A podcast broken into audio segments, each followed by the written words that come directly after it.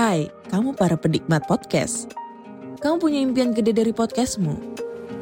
Terus First Story bisa banget bantu kamu. Mulai dari F-Link, Dynamic Audio Insertion, sampai statistik yang komprehensif. Semua ada di First Story. Gak ketinggalan kamu bisa monetisasi podcastmu lewat iklan dari First Story Ads yang bisa kasih kamu penghasilan dari setiap place podcastmu. Yuk gabung sekarang dengan klik di firststory.me. Sekali lagi, klik di firststory.me. Mari kita bawa mimpi podcastingmu menjadi kenyataan.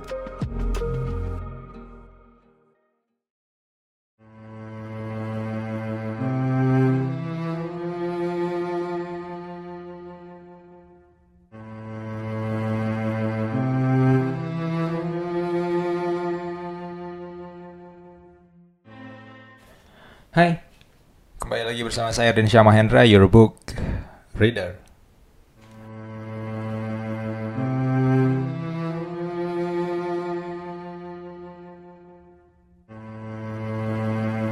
Ini adalah segmen sejarah dunia yang disembunyikan karya Jonathan Black, sebuah buku bestseller internasional. Dan pada video kali ini, saya akan membacakan bab keempat. So, Let's begin.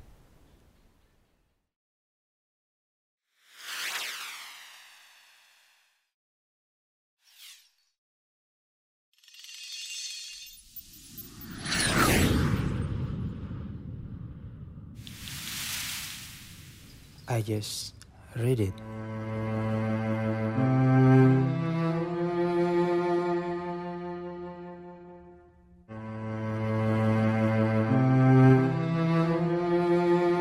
Lucifer, cahaya dunia, keinginan akan buah apel, sebuah perang di surga, dan rahasia hari-hari dalam seminggu.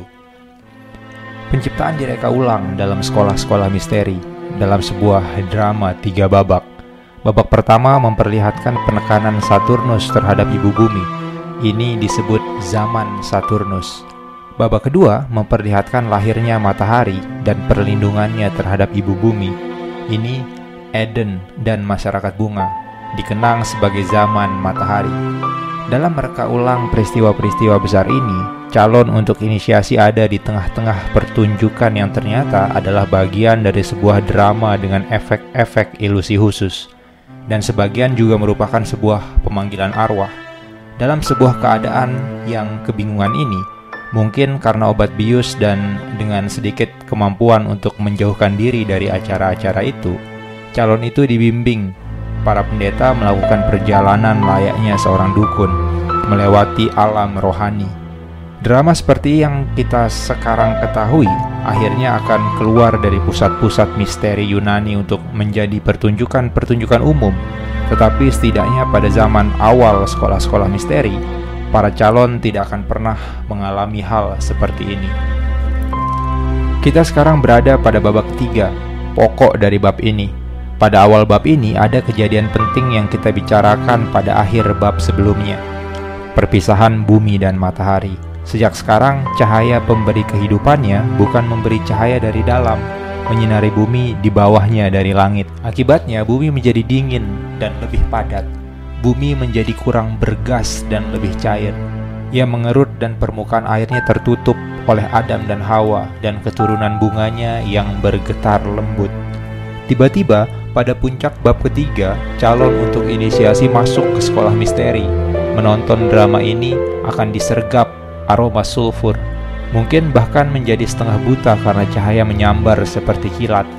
Ketika pemandangan biara yang damai dikuasai oleh bentuk makhluk asing yang mengkilat, mengerikan, marah, dan bertanduk, gambar yang diperlihatkan pada hayalannya adalah seekor ular yang sangat panjang, jutaan mil melata menuju kosmos. Seekor ular dengan keindahan yang abadi. Engkau di Taman Eden, yaitu Taman Allah. Kata Ezekiel 28.13. Penuh segala batu permata yang berharga. Yaspis merah, krisolit dan yaspis hijau, lazurit, batu darah, dan malakit. Calon untuk inisiasi akan menonton dengan ketakutan ketika ular itu melilit dengan sangat erat di sekeliling dahan tumbuhan Adam.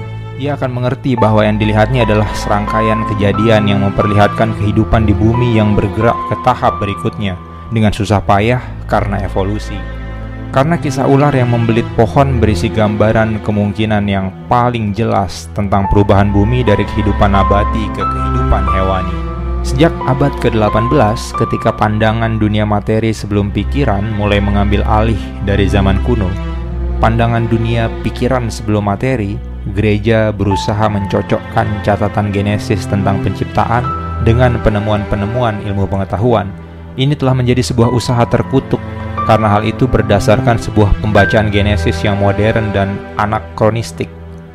Genesis tidak memandang evolusi secara objektif seperti seorang ilmuwan modern dengan merangkai potongan-potongan bukti-bukti geologi, antropologi, dan arkeologi yang diteliti secara tidak memihak dan objektif Kisah Genesis adalah sebuah catatan subjektif tentang cara manusia berubah, seperti apa rasanya. Dengan kata lain, kisah tentang ular yang membelit pohon adalah sebuah gambaran dari formasi tulang belakang dan pusat saraf sistem sifat hewani seperti yang telah dikuasai dalam bawah sadar kolektif manusia. Lagi dan lagi kita akan melihat bahwa catatan esoteris tidak harus tidak konsisten dengan catatan ilmiah Ketika kita melihatnya dari gambaran sudut pandang, tampak sebagai kenyataan yang sama dari sudut pandang berbeda. Berikut adalah gambar Adam, Hawa, dan ular karya Masolino. Dan berikutnya adalah gambar ukiran zaman Renaissance tentang pohon di Taman Eden sebagai kerangka manusia menurut Jacob Ruth. Kita melihat dalam bab sebelumnya bagaimana materi telah mempersiapkan dasar tempat kehidupan nabati bisa dilahirkan.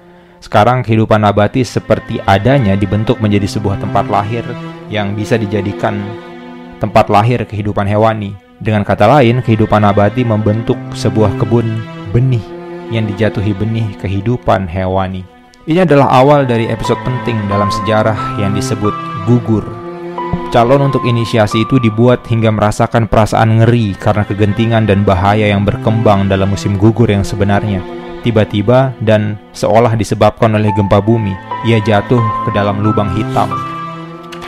Melengking ke dalam sesuatu yang dengan segera ia ketahui bahwa lubang itu adalah lubang ular. Dalam tradisi esoteris, ruang berdinding kasar yang ada di bawah piramida besar di Giza dikenal sebagai kamar siksaan ekskavasi baru-baru ini di Bahia, di Italia, ditemukan sekelompok gua, sebagian gua alami dan sebagian buatan. Dipercaya oleh orang-orang Romawi merupakan pintu masuk yang sesungguhnya ke neraka. Telah benar-benar mengungkap situs dari pintu ayun yang akan melontarkan calon inisiasi itu masuk ke sumur ular di bawah. Jadi, Calon itu mengalami sendiri bagaimana Lucifer dan pasukannya menduduki seluruh bumi dengan sumber bencana berupa ular-ular yang mengkilap.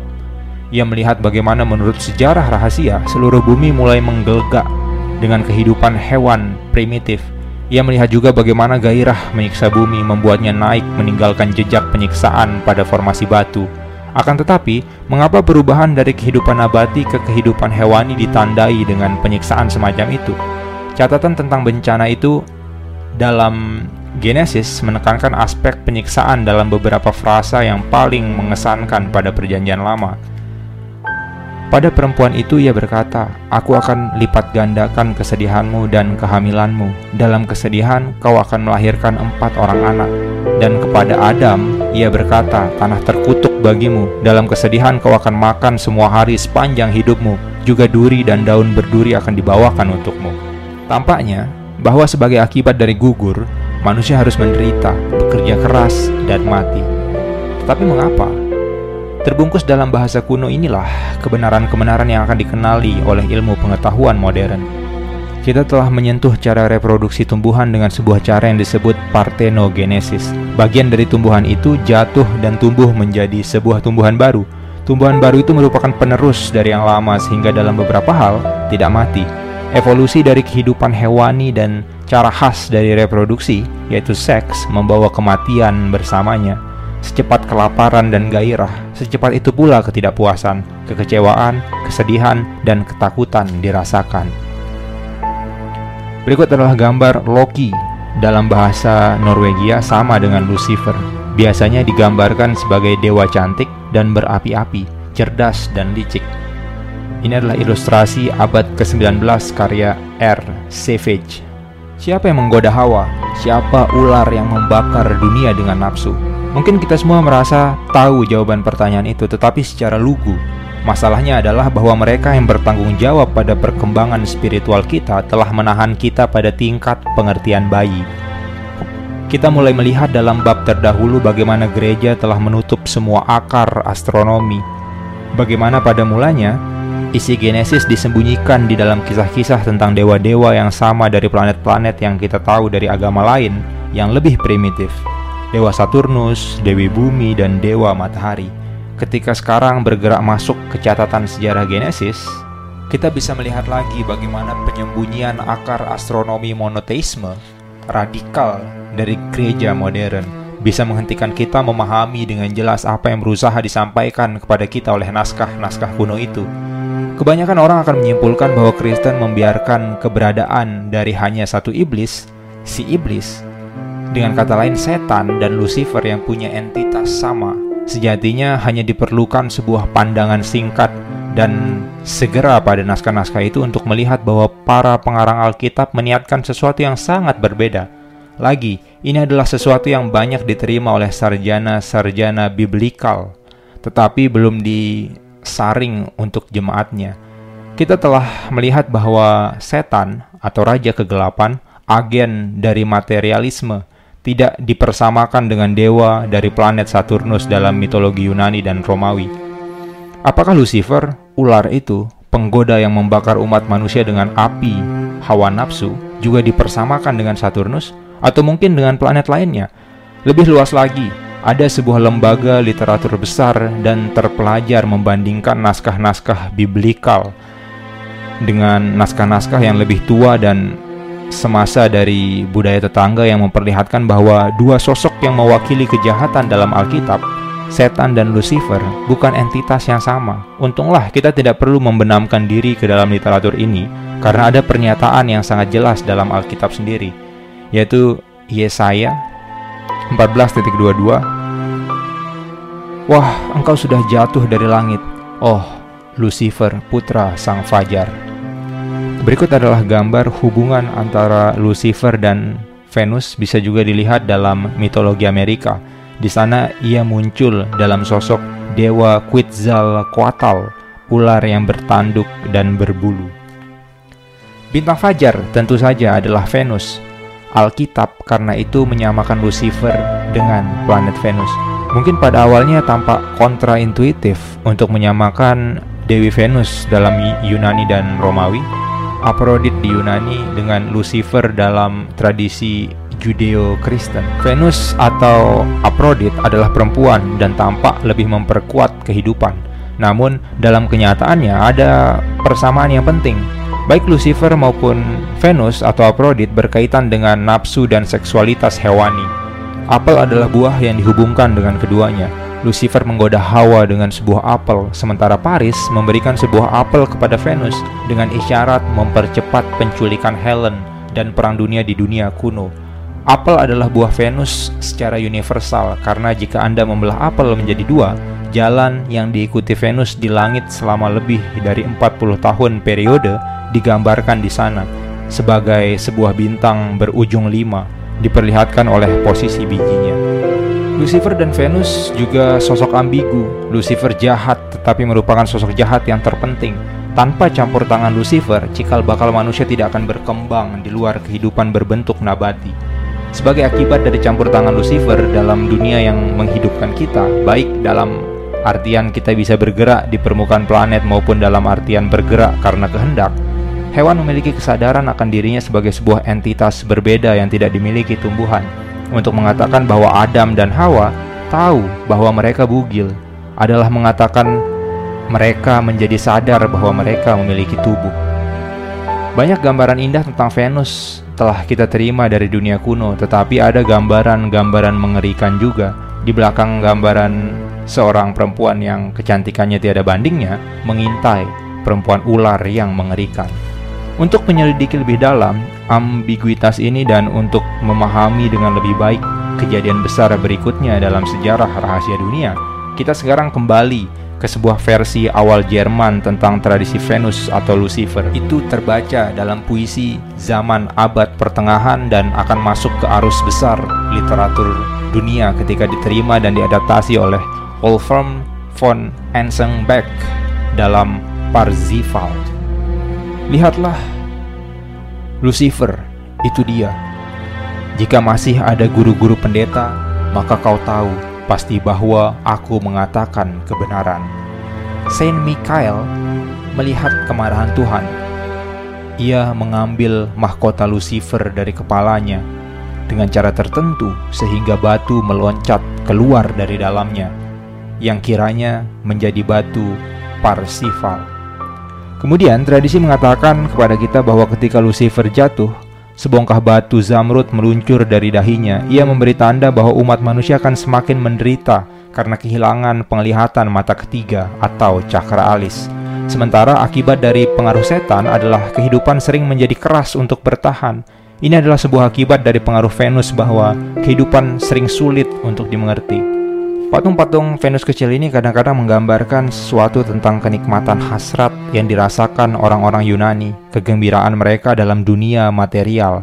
Kisah-kisah penciptaan di Yunani, kelahiran Venus ditimbulkan oleh sebuah tindakan pemberontakan oleh Saturnus yang mengambil sabitnya dan memotong kemaluan Uranus.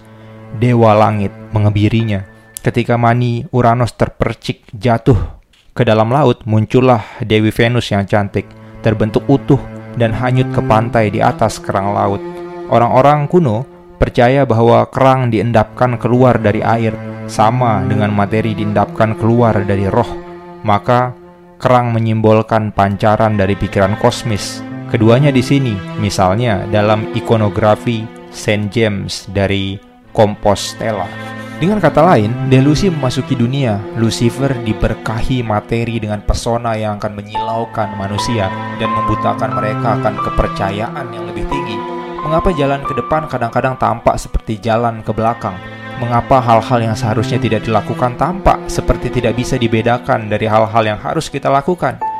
Dalam lubuk hati, saya tahu apa yang harus saya lakukan, tetapi saya memiliki yang lainnya, bagian yang bertentangan terjalin di dalam diri saya yang ingin menyesatkan. Bagian Lucifer dimasukkan ke dalam diri fisiologi saya, hasrat dan delusi bergabung dan membahayakan saya karena pengaruh Lucifer. Sebab bukan apa yang aku hendaki yaitu yang baik, yang aku perbuat melainkan apa yang aku hendaki yaitu yang jahat yang aku perbuat. Roman 7.19 Saint Paul yang seperti yang kita akan lihat adalah sebuah awal dari tradisi misteri, mengatakan bahwa bagian dari saya selalu tahu apa yang benar, tetapi bagian itu sering dikalahkan oleh bagian yang menghamba kepada Lucifer. Ilmu pengetahuan modern mengabaikan pertanyaan-pertanyaan seperti bagaimana delusi muncul di dunia, atau imajinasi, atau kemauan keras. Namun bagi orang-orang kuno, delusi, hayalan, dan kemauan ada di antara kekuatan-kekuatan besar di alam semesta, hidup di sana dalam ruang tiga dimensi, serta di dalam pikiran kita sendiri. Bagi mereka, sejarah penciptaan ada di pusat sebuah catatan tentang bagaimana hal-hal ini terjadi. Friedrich Nietzsche berkata, Kecuali Anda memiliki kekacauan di dalam diri Anda, Anda tidak bisa melahirkan sebuah bintang menari manusia tidak akan mampu menjadi benar-benar kreatif, tabah, atau mencinta ketika tidak mampu membuat kesalahan untuk melihat hal-hal selain diri mereka sendiri dan percaya hal-hal selain diri mereka sendiri. Karena Lucifer, kita tidak selalu percaya secukupnya kepada bukti. Kita sering bisa percaya pada apa yang kita ingin percaya. Misalnya, kehidupan seseorang bisa kita anggap menyedihkan atau sebuah keberhasilan yang mengharukan tergantung pada bagaimana kita memilih untuk menilainya apakah kita baik hati atau tidak. Dan ketika api besar, sulfur purba terbakar dalam perut kita, sulit bagi kita untuk memilih menjadi baik hati. Digambarkan di sini sebuah cermin Yunani dari abad pertama sebelum Masehi tentang Semele, dewi dari bulan, dan seorang pemuda tampan bernama Endymion Dalam kisah itu, Smele jatuh cinta kepada Endymion dan merapal mantra yang membuat pemuda itu tertidur abadi dan bermimpi. Tampak penggambaran yang jelas tentang bulan yang mempengaruhi kelenjar pineal dalam bentuk tongkat Dionysus. Ketika pada masa yang sangat awal, Dewi Bumi diserang oleh Dewa Saturnus. Dewa Matahari Muda datang untuk melindunginya dan berkelahi sengit di surga untuk mengalahkan Saturnus. Calon inisiasi itu yang diperlihatkan sejarah rahasia dunia saat itu telah siap menonton pertempuran besar. Ia sekarang harus menonton pertempuran yang lain dengan musuh seekor ular besar yang melata masuk ke surga untuk merusaknya. Siapakah yang akan menjadi pemenang baru dalam perkelahian kedua itu? Seperti gabungan yang dibuat gereja tentang Lucifer dan setan untuk mengelabui akar astronominya. Sekarang kita harus melepaskan diri dari penciptaan kebingungan yang sengaja dibuat itu pada bab-bab terdahulu tentang Genesis yang menceritakan penciptaan, kata yang biasanya diterjemahkan sebagai Tuhan adalah seperti yang kita lihat Elohim. Kemudian Genesis berhenti merujuk ke Elohim dan mengganti kata yang diterjemahkan sebagai Tuhan dengan Jehovah. Para sarjana Alkitabiah yang bekerja di luar tradisi esoteris cenderung menjelaskan apa yang tampak bagi mereka sebagai dua nama yang berbeda untuk Tuhan yang sama sebagai akibat dari dua untai literer yang berbeda, untai Elohim dan untai Jehovah. Mungkin bertanggal dari masa yang berbeda dan dijalin menjadi satu oleh redaktur yang datang kemudian. Akan tetapi, para sarjana yang bekerja di dalam tradisi esoteris memiliki penjelasan yang jauh lebih sederhana. Elohim dan Jehovah bukan nama yang berbeda untuk satu entitas yang sama, tetapi memang untuk entitas yang berbeda. Elohim adalah seperti yang telah kita lihat, sebuah kumpulan nama untuk tujuh roh yang bekerja sama seperti Dewa Matahari, sementara Jehovah menjelma ketika tujuh roh itu berpencar untuk membela bumi dari Venus.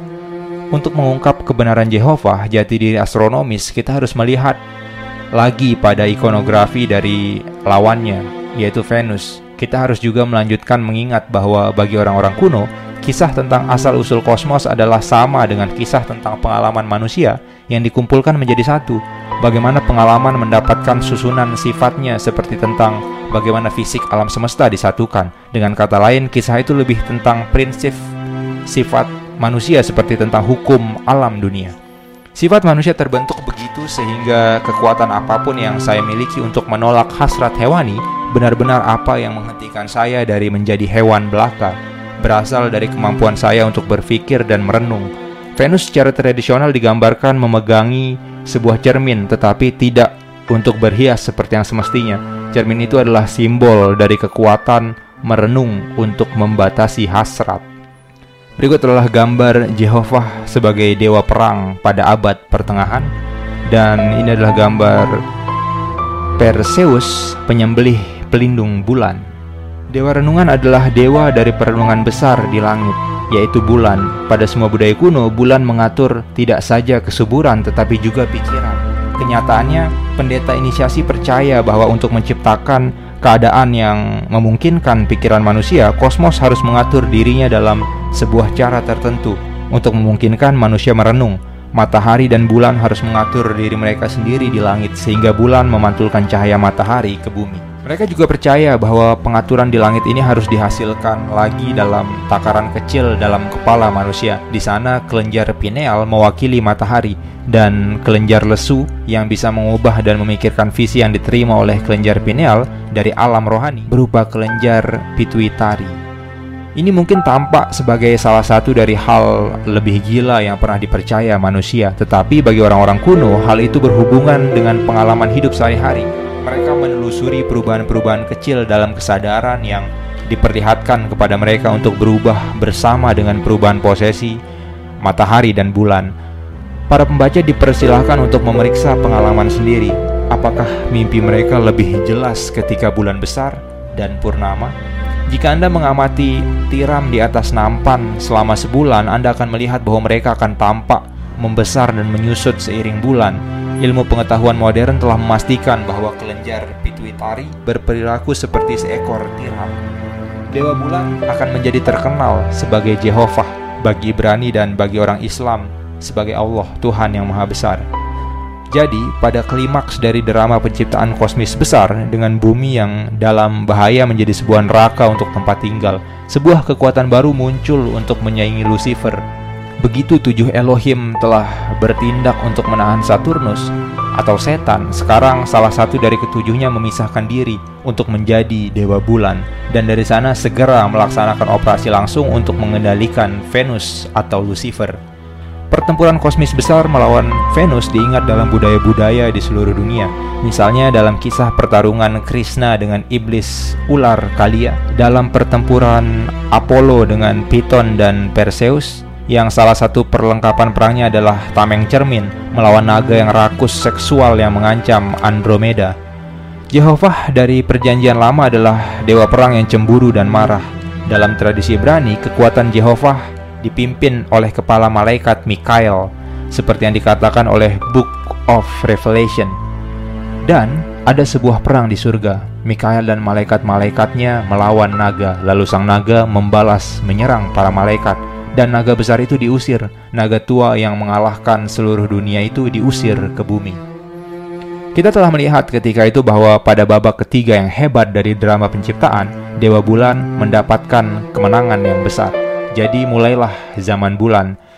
Tiga epos pertama dari kosmos, zaman mineral, nabati, hewani, atau Saturday, Sunday, dan Monday atau Munde, diingat dalam nama-nama tiga hari pertama dalam seminggu, dalam bahasa Inggris. Hari-hari tersebut dalam seminggu dinamakan berdasarkan ketiga sosok surgawi dalam urutan tertentu untuk alasan tertentu pula. Pada gambar ini kita melihat sebuah perang dewa matahari melawan seekor ular atau naga dalam pahatan yang diambil untuk lukisan karya Rafael.